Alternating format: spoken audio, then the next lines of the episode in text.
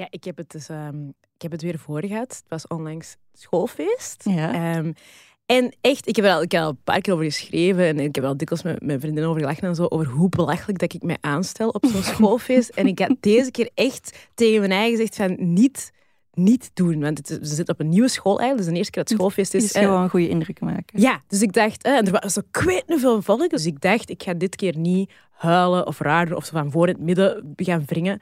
En eh, dat is niet gelukt. Het was echt weer van voor het midden. Ik heb weer zo drie filmpjes van eh, alle drie de kids gefilmd waar dat zij enkel op te zien zijn. Je zou niet weten als ze mijn hele klas hebben opgetreden. Maar ik had het dus niet door dat ik dat aan het doen ben. Hè. Ik denk echt dat ik gewoon aan het filmen ben en dan achteraf zie ik van... Er is maar één kind in beeld. Hoe zelfs? Ja. En dan, ja, dat was ook, ze hadden dan gezegd van je mocht ehm, de mama's en de papa's van de kinderen die nu dansen, die mogen nu naar voren komen. Hè. Maar ik moest dat dan drie keer zo op en af. Ja. Ik ben drie keer op en af gegaan. Ja, dat zie ik wel echt doen, ja. Ja. ja. En dan denk ik, als chance dat hij dat nu nog, dat hij dat nu nog zelf leuk vindt. Nu zwaait hij nog naar mij. Ja. en Zo. Maar binnenkort gaan die toch echt zitten van, Jesus, moeder. Ja, dat is normaal. Ja, en, want dat had ik heel hard bij ons mama vroeger. Ik schaamde mij kapot over hoe dat hij zich gedroeg.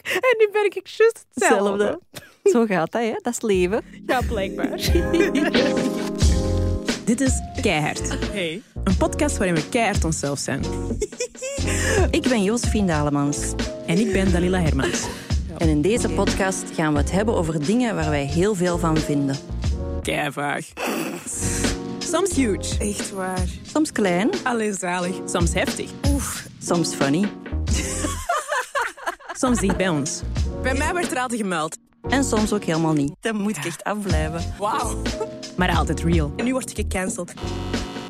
Zonder schaamte. Maar dat gaat kei dom klinken nu. Ongefilterd. Keihard. Jij het, jongen. Jij heet... eh, Oké, sorry, sorry, sorry, sorry, sorry.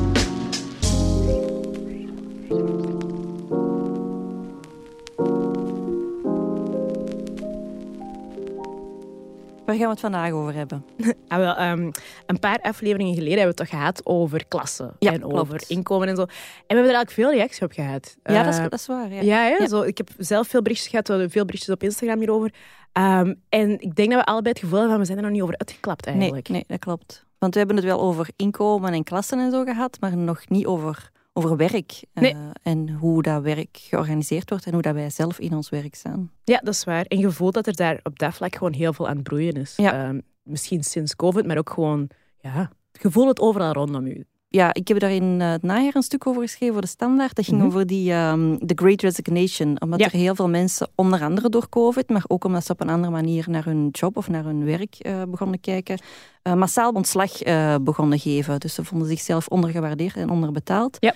Dus ze namen ontslag en ze gingen op zoek naar een ander werk of een andere manier van, van inkomen genereren. En dat, was toch, ja, dat heeft toch wel voor veel ongerustheid gezorgd in de samenleving en voor heel veel sectoren die ook geen mensen meer eh, vinden die willen werken. Ja, want als je zegt heel veel mensen, over, over wat hebben we het dan? Want je hebt er een beetje over opgezocht, toch? Ja, ja, bijvoorbeeld in september van 2021 hebben 4,4 miljoen Amerikanen in ehm, hun ontslag gegeven. Dus dat, is, echt dat is echt massaal. En Ja. eh, het VK, toen in het najaar, eh, dacht een kwart van alle werknemers erover om van job te veranderen. Dus dat Wow. is echt wel veel. Hè? Ja, ja. Ja. En die anti-work eh, cultuur, zeg maar, die is zo begonnen bij Gen Z'ers, bij jonge mensen, bij, bij millennials. En toen wij eh, dit thema aan het voorbereiden waren, zei Ella van, ja, dat is super herkenbaar. Ella, onze producer. ja. Ik kan ze er nog eens bij roepen. Eh, je zei dat heel veel vrienden in uw omgeving ook diezelfde... Ja, ja. Ja. dus ik heb zelf ehm, eh, eind 2000, wat zijn we nu, 22, dus eind 2021 eh, ontslag genomen. En ik was daar net even aan het tellen en ik kan echt aan acht on top of mind komen. Vrienden rondom mij die dus ook na ongeveer drie jaar werken zoiets hadden van nee, dit is het niet. En ontslag hebben genomen en allemaal vanuit een idee van dit is te hard werken en ik wil een work-life balance. En wij zijn dan eigenlijk nog niet de Gen Z'ers. Wij zijn, ik ben van 95, dus ja, een Een op jonge gra- millennial. Ja, of een, een, wat was het, een zennial tussen de Gen Z en de millennials. Dus ja, het is wel zeker een Dus je spreekt over 25-jarigen Ja, ja, die Ja. nog maar drie of vier jaar ja. Aan het werk zijn. en het nu al beu zijn. Oh my god. En we hebben nu al van, nope, nope, dit doen we niet meer. Ja, echt waar. En wat voor reactie krijg je dan? Want ik kan me inbeelden dat de Oh. oudere generatie Ja. dan zegt van luierikken. Maar joh, nee, weet je wat, iedereen... Dus ik heb ontslag genomen zonder plan. Ehm, ik dacht, ik moet stoppen en ik denk dan nog wel later na ehm, over wat ik ga doen. En je wilt niet weten, zelfs mijn mama, tegen wie ik al twee jaar liep te zagen over werk, Ja. dat ik dacht, ja, als iemand het ziet aankomen, is het mijn mama wel. Die belt mij. Ella, schatje, wat nu? Wat Ja. ga je doen? Eh, en echt zo, dat- die financiële zorg van zo. Ja. En je hebt nog geen plan. Ehm, en, en ja, eh, wat ga je dan doen? En dan echt een uur later, als ze zo, ah nee, nee, je hebt groot gelijk. Ehm, doe maar. Of nog oudere collega's die zo, ah en naar waar ga je dan? Hè, als je Ja, niet meer hier blijft. En ik zo, ja, niks. Oeh, niks. Dus die reacties waren van oudere mensen heel vaak, oei, wat ga je nu doen? En, Mhm. en ehm, je moet wel nog werken of zo, inderdaad. En iedereen van mijn leeftijd zo, oh, you go girl. En zorg voor jezelf en denk goed na over wat je wilt doen en pak je tijd en doe vooral rustig aan en pas wanneer dat je klaar bent. Dus terug gaan beginnen. Dus dat, dat was wel echt een heel duidelijk generatieverschil. Ja. Ja, ik kan me dat wel voorstellen. Ik kan me dat ook volledig inbeelden, maar eh, ik heb daar inderdaad een beetje over opgezocht. Ja. En ehm, het blijft niet alleen bij jullie Mm. eh, generatie. Dus het is zich al aan het verspreiden naar de andere generaties. Want in maart hebben er eh 4,5 miljoen Amerikanen hun ontslag gegeven. En de helft daarvan dat waren professionals en higher incomes. En de grootste groep waren 40-plussers zelfs. Oh. Dus het is zich wel aan het verspreiden. En langs de ene kant begrijp ik dat ook wel, omdat hoe lang horen wij nu ook al in de media of, of in tijdschriften of op televisie van mensen die een burn-out of een Ja. bore-out hebben. Dat zijn ook niet alleen twintigers hè, die dat ervaren. Nee, absoluut niet. Ik ben nu zelf 36. Ik had mijn eerste vaste job als ik 21 was. Ehm, dus ja, dat is dan 15 jaar dat ik nu hè, aan, het, aan het werk ben. En toen al was zo work-life balance een heel, een heel belangrijk ding. Of zo. Mhm, ik, ik mhm. hoorde dat toen al overal. Ik heb eigenlijk nooit gewerkt zonder dat dat alomtegenwoordig en een, en een groot Mhm. gespreksonderwerp in eh, de media en op het werkveld was. Dus Ja. dat, is, dat is raar, hè? Dat Ja, we- voor mij is dat wel iets nieuwers. Ja, zegt vijf à tien jaar. Dat dat Mhm. echt, ja, ja, maar de cijfers zijn er ook naar. Hè. Uh, tussen 2016 en 2020 is het aantal Belgen dat thuis zit met een burn-out of een depressie met 40% gestegen. Dat is niet normaal. Dat is echt niet Dat is normaal. echt Dat is keiveel. echt niet normaal. En in eind 2020 waren er meer dan 100.000 Belgen die al meer dan een jaar arbeidsongeschikt thuis zaten. Ja. Maar ja, we kennen allemaal mensen. Ja, Ja, ik ken ik, ik in ook. mijn directe kring. Sowieso. Minstens, minstens drie. Ja, en zelfs de meeste mensen die ik dan rondom mij die wel gewoon in loondienst werken of die wel gewoon werken, hebben ooit een burn-out gehad. Mhm. Ja. Ja. ik denk bij, in mijn geval zijn het heel vaak dan ouders. Dus dat klopt dan misschien wel qua Mhm. generatie. Dat wij heel vaak ouders en vrienden van onze ouders hebben zien thuiszitten. Ja. En ik denk dat wij dan al sneller de reflex hebben van we moeten zorgen dat we dat vermijden of zo. Of ook binnen mijn sector en oudere collega's die ook af en toe het verhaal doen van ik heb al thuis gezeten met een burn-out. En als ik spreek over ik moet mijn grenzen aangeven en die bewaken binnen eh, werk, dat die zoiets hebben van wauw, jij weet dat nu al. Zo ja, ik, heb het geleerd van jullie denk ik. Ja, exact. Maar Sorry, ik denk dat ook. Ja. You took one for the team. Ehm, maar dan kunnen wij er maar beter iets mee doen, denk ik. Nee, ja. Ehm, ja. Zwaar.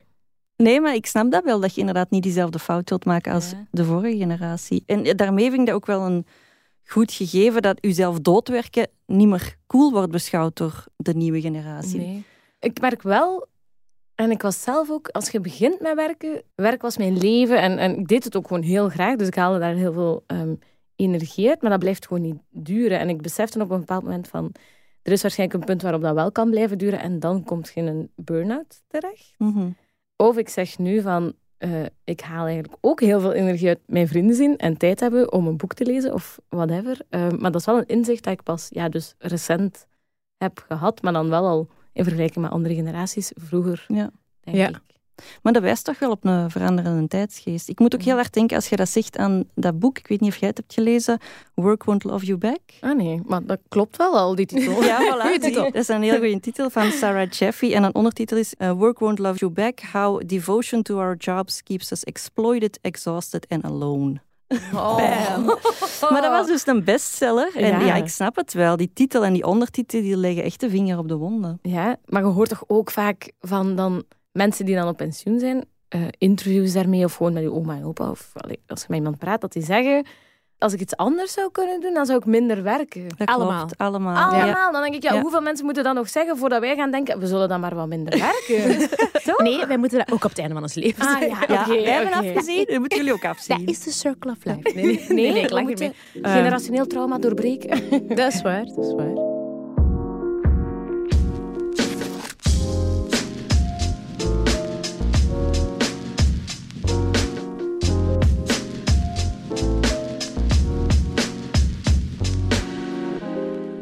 Maar hoe doen we dat dan, dat minder werken? Want ehm, ja, ik sprak daar juist al een beetje over die anti-work culture. Dus er bestaat nu wel een eh, anti-work community.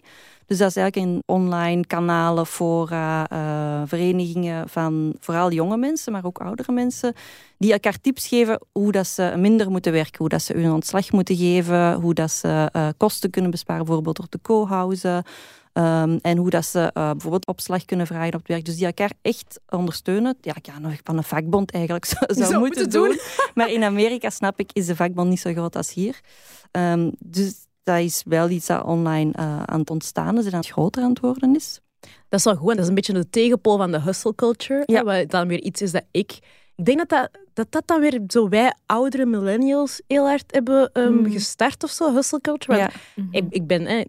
eh, ik luister heel veel hip-hop en dat zit bijvoorbeeld heel hard in die cultuur ook. Hè? Ja. Zo van stay on your grind. En, ehm, en, en het is heel cool als je, als je keiveel jobs tegelijk hebt en als, ja, dat je een hustler bent en dat, Ja. je, en dat je dan ook de materiële Ja. eh, hè? En ik denk dat dat er bij mij zo nog wel wat in zit of zo. zo. zo dat, je, moet, je moet knokken en je moet, je moet Mhm. grinden en je moet, je moet werken of zo. En maar ik moet daar zo tegen mezelf Mhm. zeggen van dat hoeft niet.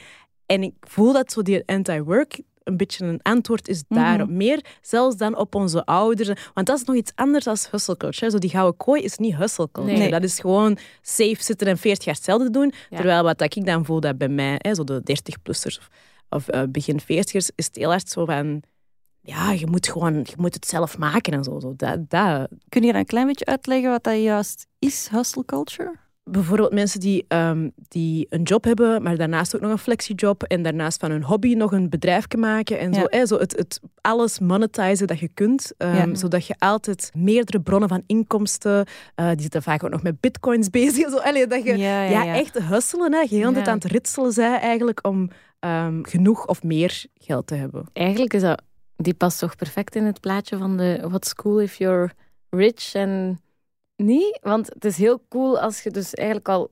De hustle culture klinkt voor mij als iets wat ehm, mensen uit de middenklasse doen. En dan heb je eigenlijk mensen uit de lagere klasse die dat gewoon no- die twee jobs moeten doen. Maar Ja. dan noemen ze dat niet hustle culture. En dan is dat niet hustle culture. Nee, Ja, dat klopt ook wel. Want er was ook een, een kritiek op ehm, die anti-work community. Van ja, dat is allemaal tof dat jullie minder wilt werken, maar sommige mensen moeten gewoon werken. Anders hebben hun kinderen geen eten of krijgen ze de huur niet betaald. Dus eigenlijk is dat ook iets voor de middenklasse mensen die de, een easier life willen, maar niet voor de arbeiders. Ja, tuurlijk. Ik, ik voelde mij heel... Ik was mij heel bewust van mijn privilege toen ik ontslag nam zonder een backup plan of zo. Want ik had gewoon de financiële vrijheid op dat moment om te zeggen, ik ben hier weg en ik kan nu ja, een paar maanden de tijd nemen om uit te dokteren wat ik wil gaan doen. En ik werd mij tegelijkertijd heel erg bewust van, dit is zo'n luxe positie waar ik in zit. Ehm, ja, ik kan daar niet veel mee doen of zo, maar dat is wel echt iets waar we ons dan collectief, denk ik, bewust van moeten zijn. eh, dat je wel iets in stand houdt of aangeeft van dit is een norm, terwijl heel veel mensen daar helemaal niet die Mhm. luxe voor hebben. En ja, dat we dat niet, niet te cool maken weer. Of, dat is hetzelfde als die hustle culture. Ja, dat, dat- Ja. En niet alleen dat. Het is niet alleen het feit dat niet iedereen zich dat kan permitteren, maar ook, ik kan wel zeggen, ik doe minder, maar dat betekent niet per se dat mijn, mijn werkload vermindert. Dus dat betekent meestal gewoon dat ik het doorgeef. Mhm. Bijvoorbeeld, hè, ik, ik besteed heel mijn administratie uit aan mijn boekhouder eh, en aan mijn management, dat zo mijn agenda regelt. En ik heb een poetsvrouw. En dus, maar dat is, niet, dat is allemaal werk dat ik gewoon doorgeef, zodat ik me Mhm. kan focussen op mijn, al mijn hustles. Mhm. Maar, maar het is niet alsof dat, dat werk dan verdwijnt of zo. Ehm, dus dat is ook een gevaarlijk. Hè? Dat, we zo, dat, je, dat je die anti-work movement, dat, dat dat niet gewoon iets wordt van we geven ons werk dat we niet graag doen, omdat we die luxe hebben, geven we gewoon door aan anderen. Nee, want, dan zijn de andere mensen Ja. daarmee. Ja, Voilà. tuurlijk. Dus het mag eigenlijk geen individuele oplossing zijn, maar het moet een structurele oplossing zijn. Ja, het moet iets Ja. collectiefs zijn. Waar iets dat, iedereen zijn, ja. van kan eh benefiten, zodat iedereen een beetje meer kan ademen, lijkt ja. me.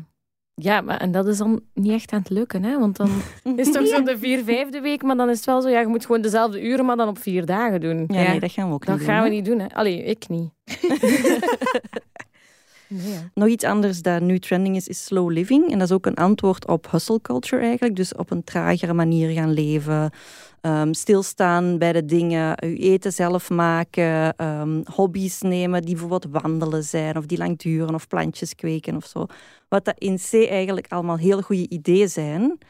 Maar je ziet dan toch op Instagram dat dat weer zo'n hashtag en een trend wordt. En dan moeten ze foto's nemen van zo heel mooie plantjes en witte lakens. En dan zit je daarop in kleermakers zit met een thee die dat je zelf getrokken hebt en bladibladibla. Dus dan wordt dat ook weer werk, want dan moet je dat weer laten zien aan je publiek dat je aan het slow leven bent, snap je? Dus dat ga je Ja, dat weer ja. performen in plaats van dat je dat gaat leven. Ja, ja, ja. Ja, en daar is ook commentaar op, hè, op die movement en die hashtag. Ja, dat wordt heel hard ook gezien als iets dat voor middenklasse Ja. white ladies is, hè, de witte Mhm. madame.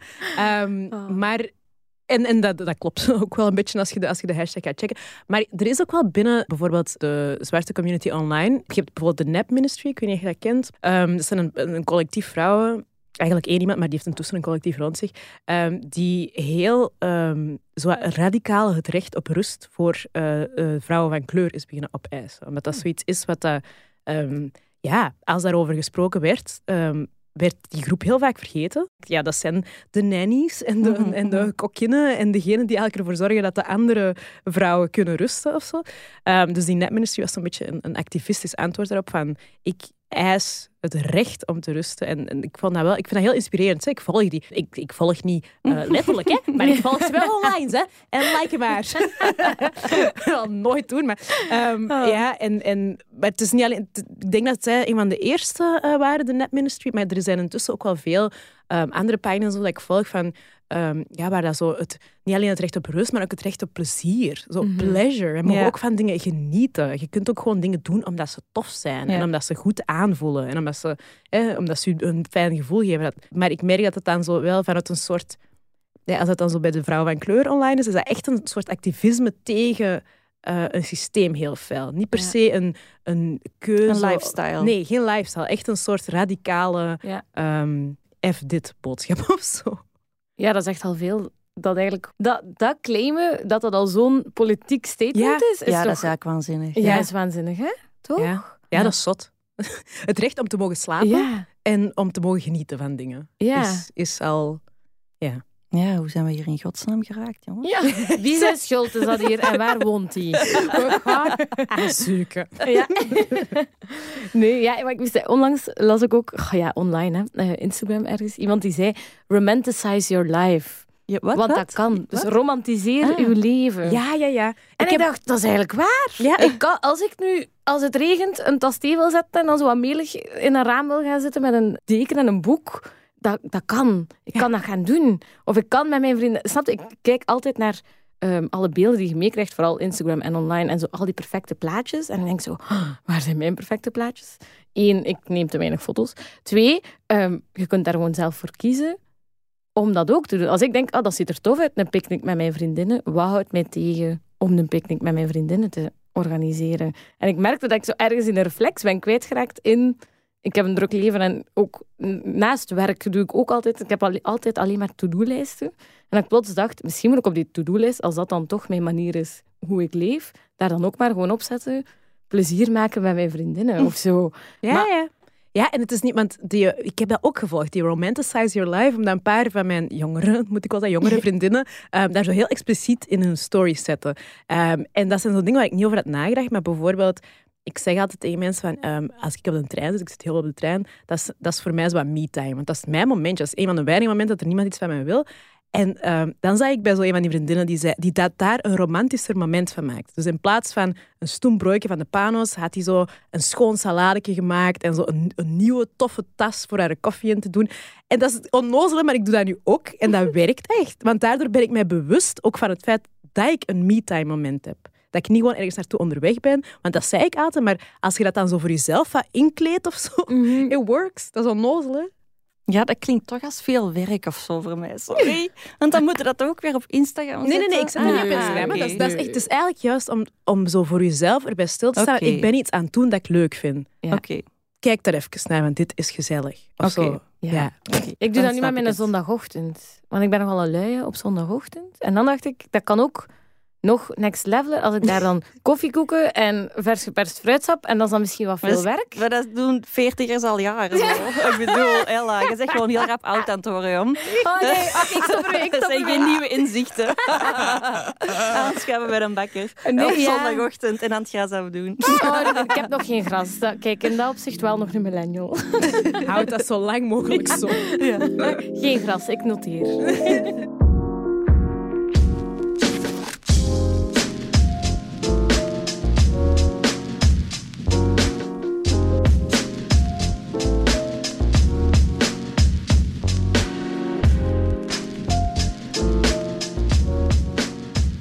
Oké, de, de midbreak, onze dit keer hard. Ehm, Yes. Zoiets dat ik heb, en ik ben niet de enigste, want het is eigenlijk door een interactie met iemand die ik volg op Instagram en zij volgt mij ook. zo dat moment dat je zo de story van iemand liked en dan beseft je dat, die, dat je de eerste liker bent, dat je dat in een milliseconde geliked hebt. En dat is zo een paar keer toevallig gebeurd dat je zo'n vieze stalker lijkt. Heb je dat al gehad? Ehm, niet bewust. Maar ik moet ook wel zeggen dat ik ehm, op sommige vlakken ongegeneerd zo doe. Bijvoorbeeld, Ik heb ook als vriendinnen het aan vertellen van ja, dan was ik iemand aan het stalken en dan had ik zo'n foto geliked van drie jaar geleden en oh my god. En ik zeggen, nee, ik ga dan schaamteloos vijf foto's van drie jaar geleden Oké, liken. oké. Ja, oké. ik kan ik wel, kan ik beter tegen dan de meeste, precies. Oké, ja, ik snap het. Maar ja, het is dan ook gênant als je dat dan direct liked, terwijl dat je die persoon die dag zelf nog zo'n professionele mail hebt Ja. gestuurd. Oké, dat En die heeft dan zaak. niet op je antwoord. Dan heb je zoiets van, ja, en stories, stories posten kunnen wel, dat, dus... Nee, eh, maar dat is iets anders. ja. Nee, nee, als het, als het, nee ja, dan snap ik het. Dan snap ik het beter. Eh, ja, ik heb, eigenlijk ik heb een beetje een, een, een sneu ehm, dit keer, maar wel heel hard in lijn met het thema van deze.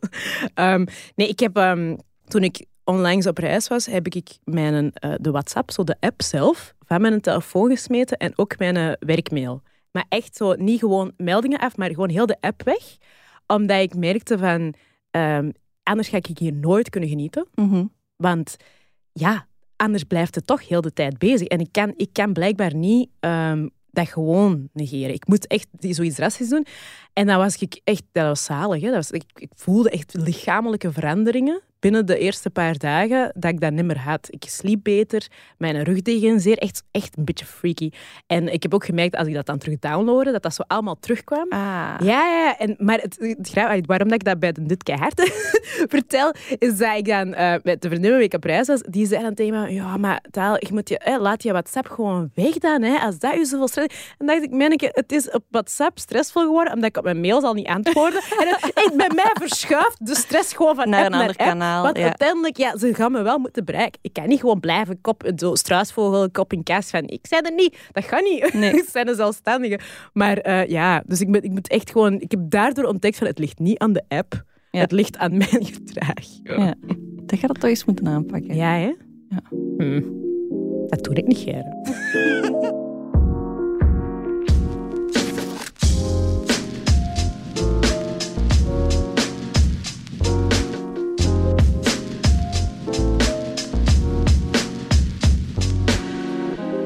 Ja, en eigenlijk is dat... eh, ja, kunnen we dan zo naadloos over naar ehm, ja, onze eigen work-life balance. Ja, Ik denk dat het al wel duidelijk is dat het met de mijne een beetje verstoord ja zit. vertel het eens. Hoe zit het met je work-life balance? Ehm, oh, ik... Nee, die is het jij er een? Mm, moeilijk. Ehm, ik denk dat mijn groot geluk is dat ik drie jonge kinderen heb. Mhm. En die verplichten nu. Hè. Ik bedoel, ik kan, ik kan niet thuis heel de tijd aan het werken zijn, want die kinderen gaan dat gewoon komen opeisen. En ik probeer wel een goede moeder te zijn. Dus, maar, maar het is heel vaak wel zo dat ik eigenlijk in mijn hoofd een hele dag doorwerk. En dat ik eigenlijk, eigenlijk stopt dat niet. Ehm, en dat heel veel dingen die eh, lijken alsof ik ze gewoon aan het doen ben, ook weer werk zijn. Want dat is, hè, bijvoorbeeld, ik heb om de dag moet ik een cursiefje schrijven. Dus zelfs als ik met mijn vriendin op terras zit, ben ik halverwege in mijn hoofd aan het denken, ah, goed moment voor een cursiefje. Dus je bent constant bezig. Mhm. En ja, ik ben zeker wel zo'n beetje een, product van die hustle culture. In de zin dat ik heel veel verschillende eh, dingen tegelijk doe. Heel uiteenlopende dingen ook. Ehm, dus ja, nee, ik denk dat ik wel gemakkelijk aan 80 uur per week zit. Ehm, qua werk. En dat is gewoon heel veel. En dat moeten dan compenseren, omdat dat anders niet haalbaar is. Maar ja, dat, dat compenseren, bijvoorbeeld ik slaap veel uit of zo, zorg, dat, dat zorgt ervoor dat mijn ritme dan weer Mhm. raar is en dat ik vaak tot heel laat s'avonds zit te werken. Dus nee, op dat vlak is het bij mij echt niet in balans. Ehm, maar wat ik wel, wel beter doe nu dan een aantal jaar terug, is dat, dat het overgrote deel van mijn werk zijn echt dingen dat ik graag doe. Mhm. Ik heb dat heel lang niet gehad, waren- dat was dat echt ook wel zo. Toen ik nog heel activistisch was, dan was dat heel, soms echt een, een berg precies dat ik altijd op moet. Terwijl nu kies ik echt al voor opdrachten die ik leuk vind, waar ik plezier aan heb. Ehm, ja, en hè, zoals ik in, de, in die aflevering over klassen al zei, mijn man is thuis. Daardoor, hè, ter compensatie, kan hij dat dan wel doen, wat dat ook heel veel rust geeft. Hè. Ik kan mij focussen op de dingen die ik graag doe. Ehm, wat dat gezond is voor die work-life balance. Maar ik denk, objectief gezien, zit ik gewoon heel ver af van een gezond evenwicht. Mhm. Dat lijkt me gewoon fair om te zeggen. Mhm. Ja, ik denk dat ook wel. Ja. En hoe is dat bij u? Ehm, nu wel goed eigenlijk. Maar ja, ik heb eerst de eerste jaren van mijn carrière in loondienst gewerkt, eh, voltijds, en dan vier vijfde. En dan ben ik zelfstandig geworden, best wel lang eigenlijk. Ik denk tien jaar, meer dan tien jaar.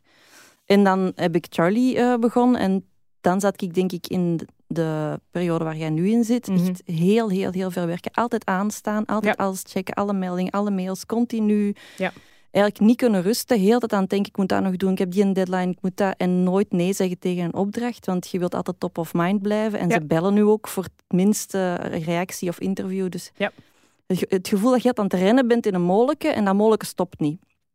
Dat had ik heel hard. Eh, maar dan, ja, het einde van Charlie viel samen met het begin van de coronacrisis. Dus dan werd ik gedwongen om te stoppen. En Ja. dan heb ik echt moeten afkicken van veel te werken. Of van te veel te werken. En nu werk ik halftijds eh, voor de buren dan. En ehm, ben ik zelfstandig in bijberoep. Maar ik doe alleen de dingen die ik leuk vind. Ja.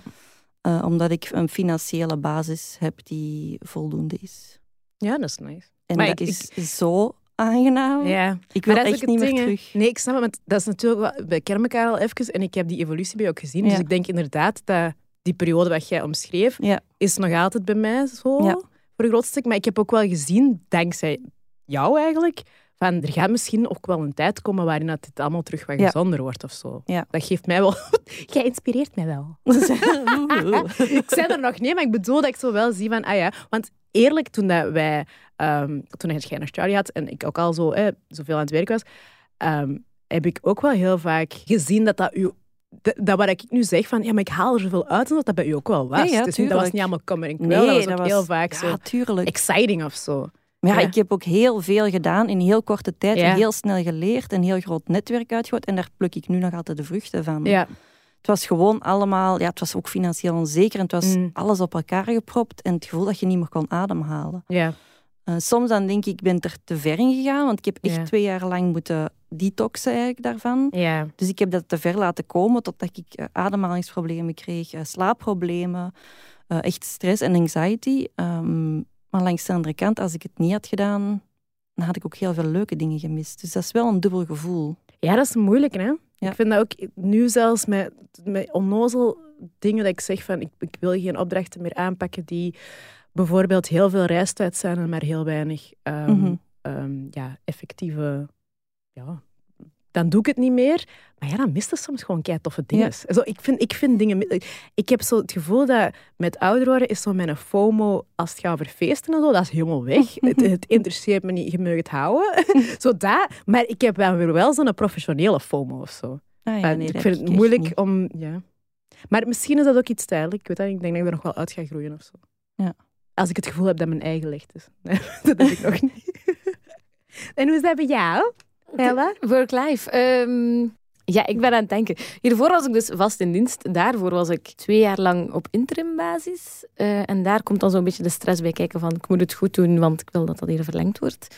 Ehm, en dan had ik echt heel vaak dagen van tien uur. En dan was dat ook pendelen drie uur per dag. En dan schoot er eigenlijk niks meer over. Dus dan kwam ik op een punt, dit klopt niet. Ja, dan corona en dan had ik te veel tijd thuis. Ehm, en daar was dat bijna nog erger Omdat er geen onderscheid was tussen vrije tijd en werk. Want alles gebeurde in mijn slaapkamer, waar mijn bureau was, Mm. waar ik ook andere eh, dingen doe. Eh, ik hoorde hem, ik hoorde hem. Eh, nee, maar... ehm, en daar dan denk ik dat dat uiteindelijk ook wel heeft bijgedragen tot het punt waarop ik ontslag nam. En toen had ik heel hard in mijn hoofd, oké, die work-life balance, ik heb dat nodig. Dan ben ik zelfstandige geworden. Eh, of dat dat dan de beste keuze was, is, dat, dat moet dan nog blijken. Dat zal ik dan eh, binnen een jaar laten weten of zo. Maar ik merk nu het moeilijkste... Ik merk heel hard, Dalila, wat jij zegt, je kiest de opdrachten die je wilt doen. Dus ik haal daar dan plezier uit. Ik kies daar zelf voor. En ik weet ook dat is een tijdelijke opdracht. Dus als het niet meevalt, dan is het klaar eh, na die opdracht. Of dat is in zicht, dat einde. Ehm, maar ik merk zo hard, als ik dan even niks te doen heb, Ja. dat, dat gaat niet. Nee, Ik hè? kan dat echt niet. Nee. Als ik zo'n rustige week heb, dan ga ik toch nog achter mijn computer zitten. Zo van, ik moet toch bezig zijn en iets doen. En dan ben ik zo op, in de achtergrond van mijn hoofd bezig met dan die ene opdracht. Maar ik denk, ja, dat zijn geen uren die gefactureerd, want ik ben eigenlijk niet echt iets aan het doen. Maar dat is, Ja. dat is echt de vloek van de zelfstandige. Want Ja. ja. ik heb dat ook en mijn man heeft dat ook. En zelfs als wij in het weekend een halve namiddag in de zetel zouden zitten, dan voel je ergens schuldig omdat je niet productief aan het zijn bent. Ja, exact. Ja. Dat is echt een neoliberale vloek die op u ligt van je moet altijd produceren. You're wasting your time. Je bent een luierik. Ga die factuur maken. Ga een boekhouding doen. Ga op prospectie doen. Dat, dat, is, dat is iets dat bij zelfstandige leven Oh hoort. nee, maar jullie hebben dat ook. Ja.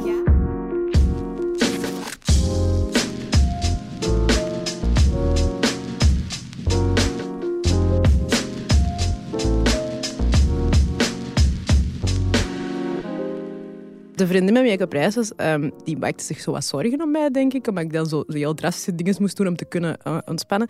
En op een gegeven moment ehm, vraagt hij van... Schatje, wat doe je eigenlijk voor jezelf? Hè? Dus ik begin zo dingen op te noemen, want het is echt niet dat ik zo... eh, Ik wil ook helemaal niet ondankbaar lijken. Zo. Dus ik, eh, ik vind wel dat ik dingen voor mezelf doe. En ik begin dat zo allemaal op te noemen. En, ehm, en zij zegt van... Nee, nee. Dat is, dat, is wat dat, je, dat is de bare minimum dat je nodig hebt om dit te kunnen volhouden een dutje doen is niet iets voor jezelf. Als je tot drie uur s'nachts hebt gewerkt, dan is dat gewoon uitputting. Zo, snap je, zo heel veel van de dingen dat ik mezelf wijs maak dat zelfzorg zijn, is eigenlijk gewoon survival bijna. Ehm, en dat was wel heel confronterend ook. Dus nu Ja. probeer ik echt goed... hè, maar nee, dat, dat- nu, nu probeer ik echt te denken... Ik, ik, ik zal het met een plat voorbeeld doen. Als jij ehm, een douche pakt, omdat je naar buiten moet en niet wilt stinken, dan is dat gewoon een douche. hè?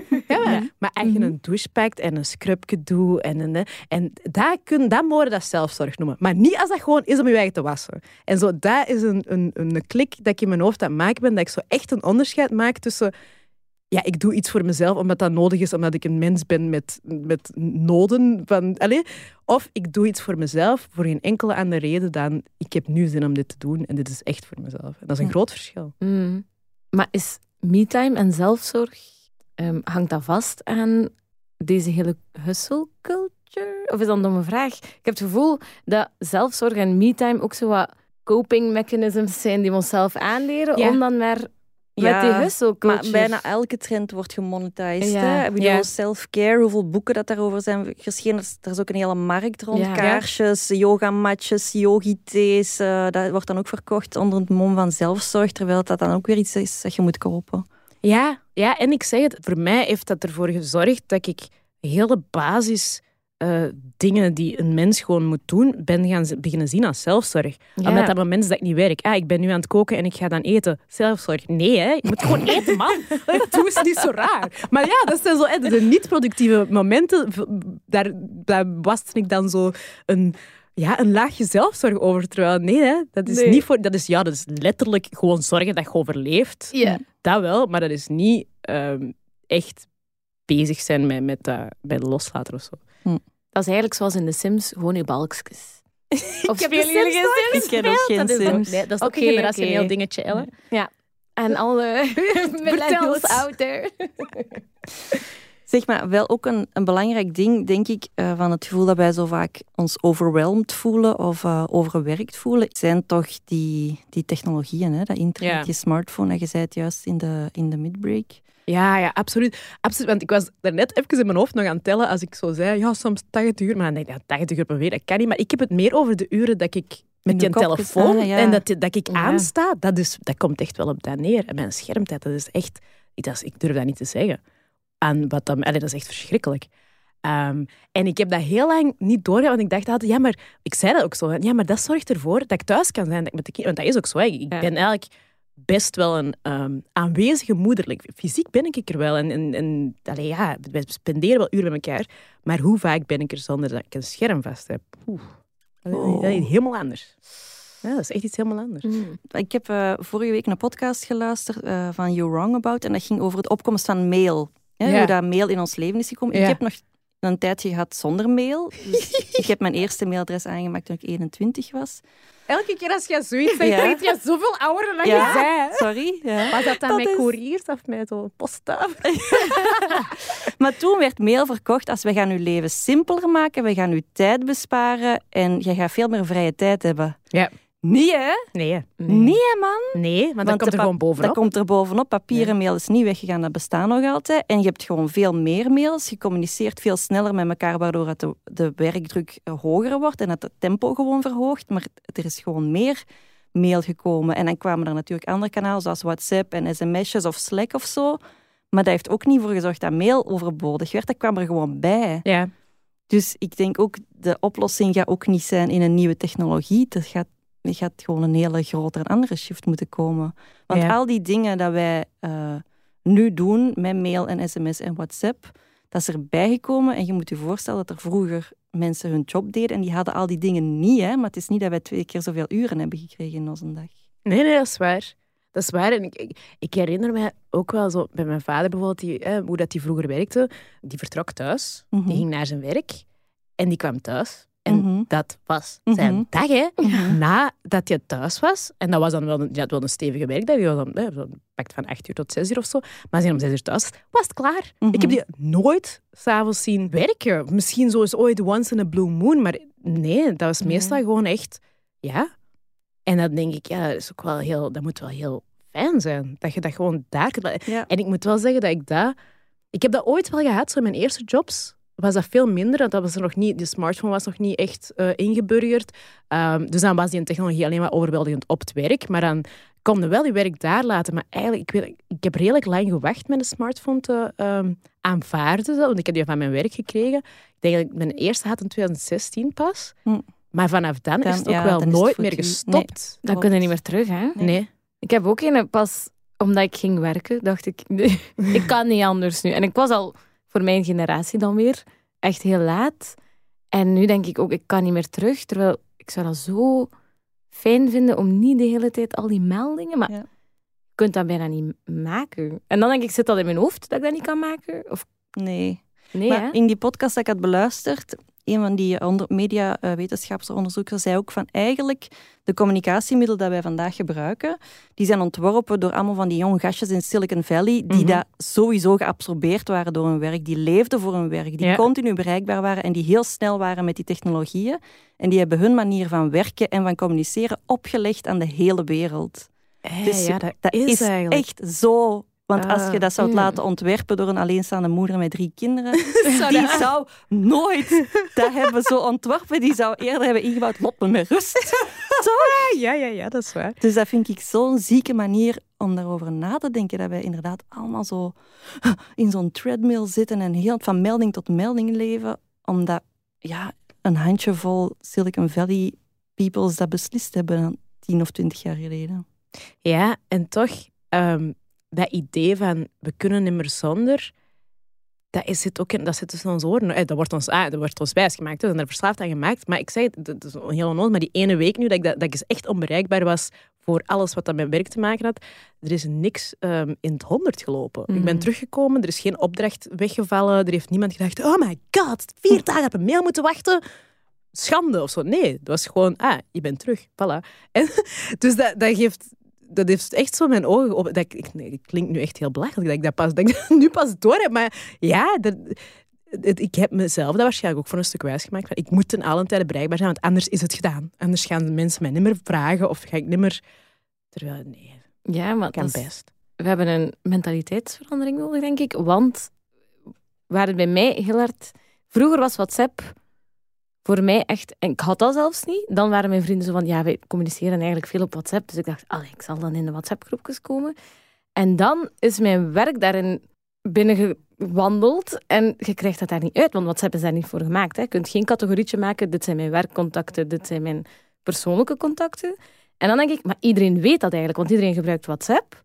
Dus zitten wij allemaal eigenlijk heel invasief in Mhm. iemand zijn persoonlijke sfeer Mhm. werkvragen te stellen. Maar we doen het allemaal, we zijn allemaal Mhm. verantwoordelijk. Terwijl ik denk, er zijn duizenden andere kanalen om mij te bereiken. De mails zijn er, ehm, of je hebt een Slack of whatever. En toch zitten wij nog allemaal, bijvoorbeeld WhatsApp of Instagram is ook heel vaak business geworden nu. Ja. En dat zegt voor mij heel veel over hoe dat wij er allemaal naar kijken, of hoe hard het ingebakken zit. En als wij dat niet kunnen veranderen, dan gaat het blijven duren. Maar ja, wie gaat dat veranderen? Wie gaat die regels opstellen? Want het is zo, hè? We- zelfs over mails zijn er weinig regels. Hoeveel dagen we een mail laten liggen? Eén, Hmm. twee, een week? Ja. Eh, hoe lang mag een mail zijn? Hoeveel mensen moeten in cc's? Er zijn geen regels over iedereen doet maar iets. Hè? En dat woekert verder. Ja, ja, en ik zeg, bij mij is die WhatsApp zo hè, dat werkgerelateerd geworden, omdat ik vaak op mails niet antwoordde. Omdat ik dan echt wel besliste van, ik ga dus niet mijn werkmail checken. Screw deze, hè, ik heb een vrije dag of zo. En dus vinden mensen mij via Mhm. WhatsApp. Want Mhm. daar kan ik...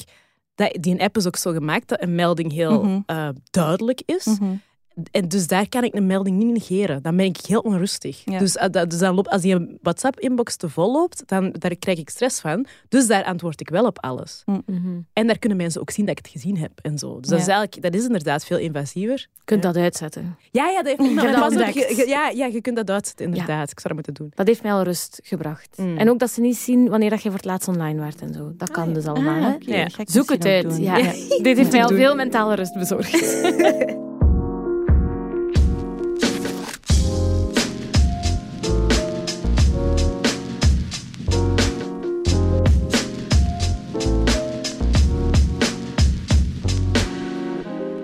Ja, en zijn er zo nog andere dingen dat zo aan het evolueren zijn? Of dat je zo zelf hebt, hebt ontdekt door je carrièrepad? Mm, wat voor mij heel hard opviel, ehm, is eigenlijk ambitie. Of ik heb, sowieso ben ik ergens gebotst op mijn ideeën over ambitie en wat dat betekent. Want er waren bijvoorbeeld mensen in mijn omgeving die een job gingen doen waarvan ik dacht, allee, jij bent toch eh, slimmer dan dat, of weet ik veel wat. Dat ik dan een half jaar later dacht, maar Elle, ehm, zij kiezen zelf wat ze willen doen. En dat was bijvoorbeeld voor die persoon dan heel hard een keuze van, ja, maar hier, ik doe die job op zich graag, ik steek daar niet heel veel passie in, maar ehm, ik heb veel vrije tijd daarnaast, ik neem mijn job niet mee naar huis en zo verder. En dan werd ik dus geconfronteerd met, ah, dat kan eigenlijk ook ambitie zijn. Mhm. Terwijl ik heel hard moet vechten tegen, ambitie is hoger op geraken, meer, meer, meer, altijd hoger, hoger, hoger.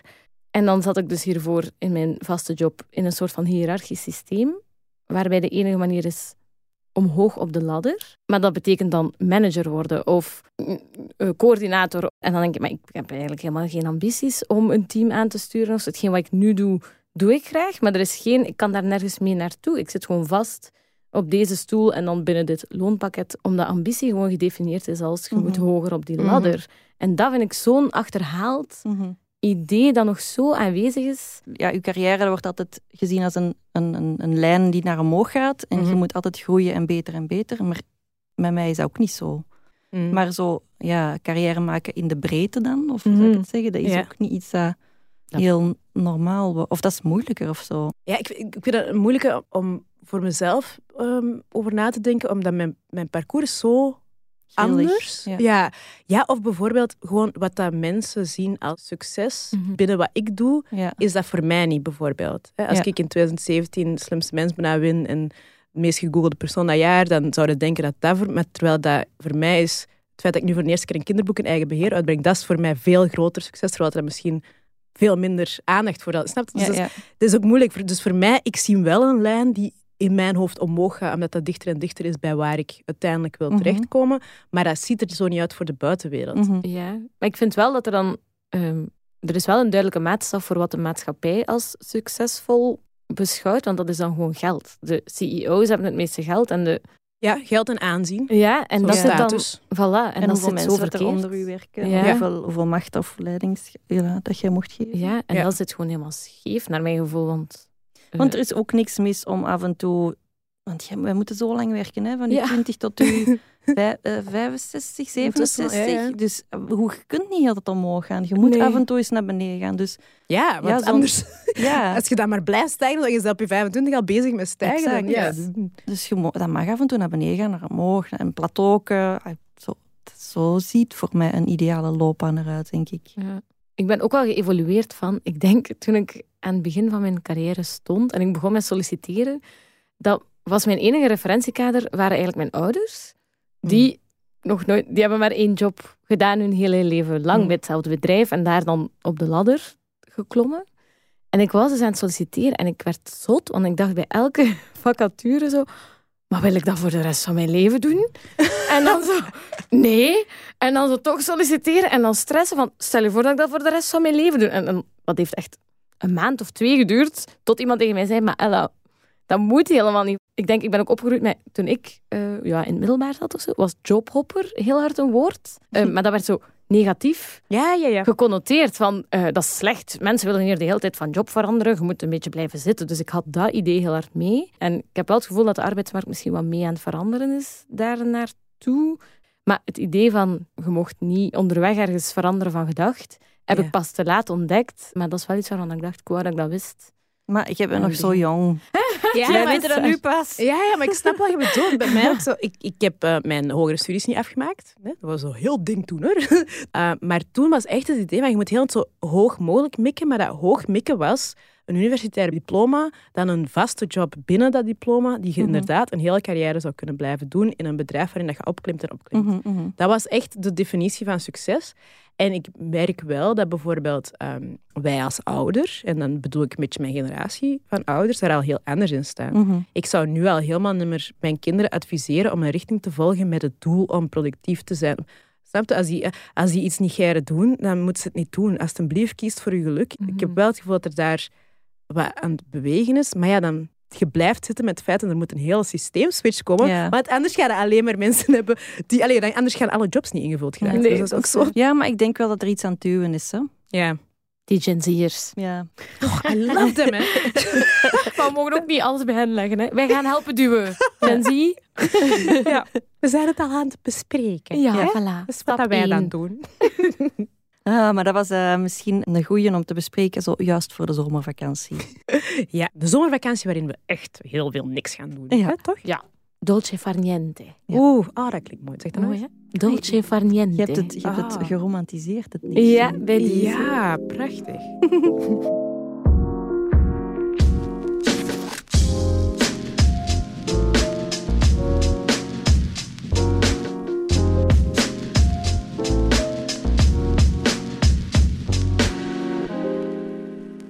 dan, eh, dan gaan we de softstop nog doen, hè? Ja, ehm, de softspot van deze keer heb ik meegenomen, maar jij kent ze ook. Ja. Eh, het zijn eh, twee dames die wij heel eh, tof vinden, die een heel, zelf een eigen podcast hebben. Ehm, het is eigenlijk onze conculega's, maar ehm, het zijn de, de, de dames van 50 Koffies. Ja. Ze hebben een podcast Jana Die- en Nadia, ja? Jana en Nadia, inderdaad. Een podcast die gaat over, ja, eigenlijk over werk vaak. Hè, Ja, en over zo, de businesswereld. Maar op een heel verfrissende manier. Met altijd een verrassende gasten, vind ik zelf. We hebben er allebei ook al in gezeten, dus ik mag dat zeggen. Eh, maar ja, gewoon een podcast dat ik heel graag naar luister en al veel van heb geleerd. En wat ik zo leuk vind aan hen, want er zijn natuurlijk heel veel andere podcasts dat we ook Mhm. zouden kunnen sharen, maar wat ik zo tof vind aan hen, is de community dat zij rond zich Ja. hebben gebouwd. Dat is echt... Allee, dat zijn echt gewoon allemaal heel toffe mensen dat ze hebben samengebracht, die dat je niet per se Mhm. direct zou linken aan elkaar, totdat je die aan samen denkt, ah ja, tuurlijk. Ja. Eh, en ik vind dat heel, heel, heel eh, cool om te zien dat zo twee jonge vrouwen dat, dat, dat idee hebben gehad en dat zo uit de grond hebben gestampt. Ja, en ook indrukwekkend dat ze er een ja, bedrijf van hebben gemaakt. Ja. Hè? Want Ja. ik ben naar de eh, lancering geweest van hun tweede seizoen. En dat was, dat was ook met een event en een, en, een, en een presentatie en een voorstelling. En wat dat jij zegt klopt, die community van de mensen die daar waren, dat was super divers ook. Echt van Ja. alle sectoren. Ik heb daar met mensen gepraat, die, want ik doe dat niet graag, zo van die Nee, netwerkevents. zeggen, maar dat was echt gezellig en dat was echt leuk. En ik, had echt, ik ging echt met een heel goed gevoel naar huis. Dus dat hebben die heel goed gedaan. Want dat is ook een gave, hè? Ja, mensen ja. bij elkaar kunnen brengen. Ja, dat is waar. En ik heb altijd het gevoel, want hè, we kennen elkaar niet goed. Dat is niet dat dat echt vriendinnen zijn van Nee. ons of zo, maar we kennen, we- hè, omdat we dan in de podcast hebben gezeten, elke keer als die mij vraagt, als, die mij zo uitnodigt, zo, ik word altijd enthousiast Ja. van die communicatie. ja. Dus eh, nee, echt eh, grote fan. Die zijn heel goed bezig. Eh, ik wens die nog heel veel Ja, succes. We zullen de link droppen in de show notes. Dan kan je hen ook gaan volgen. Alright.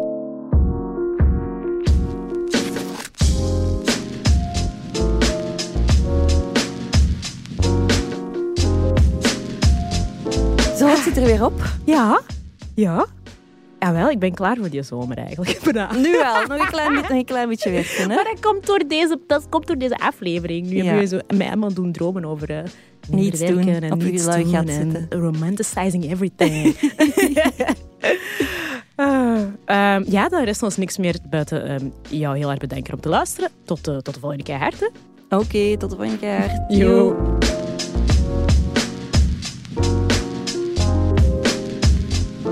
Je hoorde natuurlijk alleen onze stemmen, maar achter de schermen werken heel veel mensen mee aan deze podcast. Hè? Dat is waar en eh, die willen we bedanken. Dat is in de eerste plaats podcastagentschap Uitgesproken, waar we mee samenwerken. En eh, ja, de productie en de montage wordt gedaan door ons fantastische Ella van Einde. We love her. De muziek en sounddesign is eh, van Pieter Santos. Willem Blondrok maakte de beats eronder. Dat is Mijn man? Ja. En het logo werd gemaakt door mijn man, Mark Nuiten van Birdseye Design. ja, en zit jij nu te luisteren en vond jij onze podcast leuk? Dan moet je dat vooral laten weten aan ons en het doorvertellen aan uw vrienden. Ja, bedankt al, hè. Die laatste was Keihard bedankt dan, hè? Keihard bedankt, jong. Ik dacht echt, dat komt nu nog een... Joe.